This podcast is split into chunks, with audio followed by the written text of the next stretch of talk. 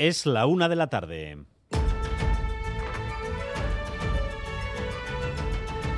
Crónica de Euskadi con Dani Álvarez.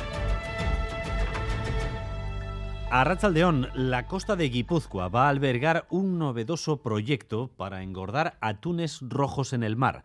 Una empresa catalana y la Fundación ASTI quieren colocar unas jaulas flotantes frente a Guitaria para cultivar estos atunes y sacar más rentabilidad a la especie. Sería la primera instalación de este tipo en todo el Cantábrico. Rodrigo Manero, ¿cómo va a ser? Pues son unas jaulas que se van a colocar a tres millas de la costa, como si fuera una piscifactoría. Se meterán atunes vivos pescados con red y se engordarán durante varios meses con pescado azul para luego ir cogiéndolos y colocándolos en el mercado. Así se le sacará más rentabilidad. Ya se hace con éxito en el Mediterráneo y aquí se va a adaptar a las condiciones del Cantábrico. Si logra todos los permisos, la instalación de atunes empezará después de verano. El Partido Socialista de Euskadi exige una rectificación a Aranzadi por sus informes de memoria en los que clasifica como víctimas a los presos de ETA. Eneco Andueza, el secretario general del partido, ha negado hoy en Orduña, ante el columbario de las víctimas del franquismo, que su partido estuviera al corriente del método aplicado por Aranzadi, por el cual todos, presos y víctimas, están en la misma página. Los socialistas nunca hubiéramos permitido que se sitúe en el mismo plano a las víctimas y a los victimarios porque nos parece una absoluta aberración. Como decía, los socialistas siempre vamos a estar del lado de las víctimas, del lado de todas las víctimas y nunca vamos a permitir que nadie intente falsear la verdad.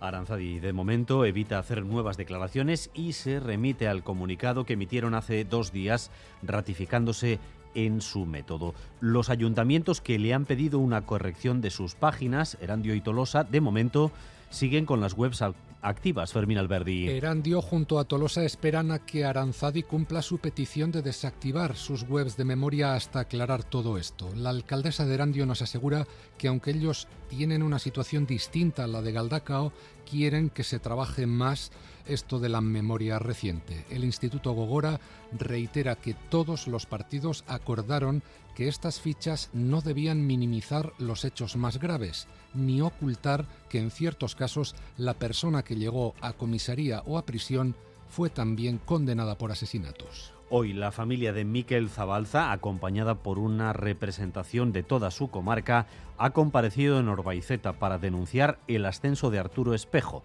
un agente de la Guardia Civil implicado en la desaparición y muerte de Zabalza. Ahora, Espejo, alto mando del cuerpo y respaldado expresamente por el ministro Marlasca, cree eh, que con ese ascenso, la familia Zabalza cree que con ese ascenso les vuelven a poner delante de un muro que impedirá que la verdad pueda saberse.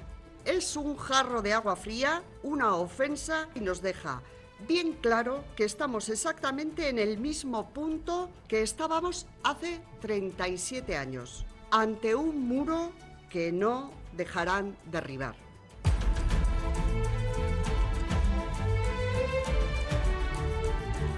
En estos momentos en marcha la Junta de Accionistas de Ferrovial. La constructora es la primera gran empresa que desafía al gobierno de izquierdas en España huyendo a los Países Bajos para cotizar allí a un tipo más reducido. Estamos a la espera de que su jefe, Rafael del Pino, explique las razones que finalmente parecen haber convencido a la mayoría de accionistas. Madrid y Sarobaza.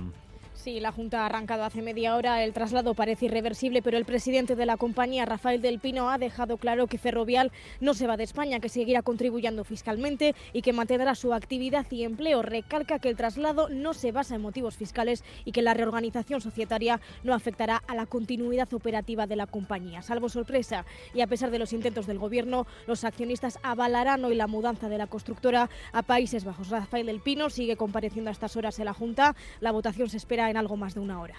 Vuelven este jueves a Francia las movilizaciones contra la reforma de las pensiones de Macron, esta vez en vísperas de una decisión importante, la que mañana hará pública el Consejo Constitucional sobre los contenidos de la reforma, Óscar Pérez. La de hoy es la duodécima jornada de movilizaciones y paros. Hace unos minutos los manifestantes han entrado en la sede de Louis Vuitton de París. Aseguran que se trata de una ocupación pacífica de la tienda de lujo que en los tres primeros meses del año experimentó un crecimiento récord en las ventas.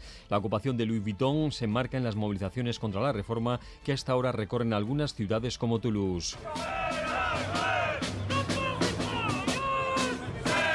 Unas horas antes, la sede del Consejo Constitucional ha aparecido esta mañana rodeada de basuras en vísperas de que mañana den a conocer su decisión acerca de la reforma. Esta tarde se han prohibido las movilizaciones delante de la sede del Consejo. Menos gente en las calles de Bayona que en ocasiones anteriores contra esta reforma de las pensiones. Los sindicatos han dado la cifra de 6.200 participantes en las protestas de este mediodía. Han querido en todo caso hacer llegar el mensaje de que el movimiento no se apaga. Y en días en los que la preocupación por la sequía aumenta, sobre todo en el interior del país, estamos viviendo un súbito regreso al invierno con temperaturas por debajo de los 10 grados y hasta nieve en cotas medias, por ejemplo, de Navarra, por encima de los 700 metros.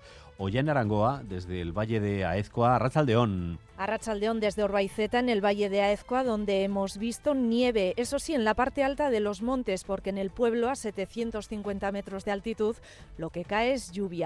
La nieve, como decimos, ha vuelto hoy al Pirineo. En Belagua, por ejemplo, en la venta de Juan Pito, la nieve ha cuajado y hay un espesor de 5 centímetros. También en Abodi, con temperaturas bajo cero. Este jueves el Pirineo Navarro está en aviso amarillo por nevadas. Se prevén acumulaciones de nieve de hasta 5 centímetros en 24 horas. Ambiente gris y como decimos con temperaturas frescas, poco más de 10 grados en Bilbao, 10 en Gasteiz, 8 en Donostia, 9 grados de temperatura en Bayona y 8 en Pamplona. Esta tarde esas eh, temperaturas podrían caer todavía más. Se pueden producir también hacia el sur del país algunos chubascos, aunque las, las, precipitaciones no serán importantes. Eso sí, la cota de nieve irá subiendo progresivamente. Y mañana se ponen a la venta las entradas para el Festival de Cine y Derechos Humanos de Donostia. Se va a celebrar a finales de abril y empezará con la película 20.000 especies de abejas. Otros temas que van a aparecer en este festival son la guerra de Ucrania, el derecho al aborto, la violencia contra las mujeres o la exclusión social de las personas sin techo. Lo ha explicado esta mañana José Mi Beltrán, director del Festival de Cine y Derechos Humanos. Algunos títulos tendrán su estreno vasco en nuestro certamen, como Cabeza y Corazón o Las Buenas Compañías. Ambas son historias con mujeres protagonistas, la primera con la selección española de baloncesto en silla y la segunda con el grupo de Rentería, que tejió una red de apoyo en los años 70 para ayudar en Francia a abortar a, a otras mujeres. Vamos también con lo más destacado del deporte, con Álvaro Fernández Cadierno, a Rachaldeón Álvaro. A Rachaldeón y con Basconia, que se juega hoy el ser o no ser en esos playoffs de la Euroliga. Si ganan esta tarde a Olympiacos en Atenas, se meterían en cuartos. Si pierden, tendrían que esperar a que caiga mañana Zalgiris en Múnich. En fútbol, mirando al derby, hoy sí, hoy ha entrenado con normalidad Unai Simón. Además, Mendilibar se estrena en la Europa League con el United Sevilla en Old y en golf John Ram volverá a competir esta tarde después de ganar la chaqueta verde. Será en Estados Unidos, en Carolina del Sur, en el RBC Heritage. Gracias. Un día más por elegir Radio Euskadi y Radio Vitoria para informarse. Raúl González y José Ignacio Revuelta se encargan de la dirección técnica y Ainhoa Iglesia de la coordinación. Crónica de Euskadi con Dani Álvarez.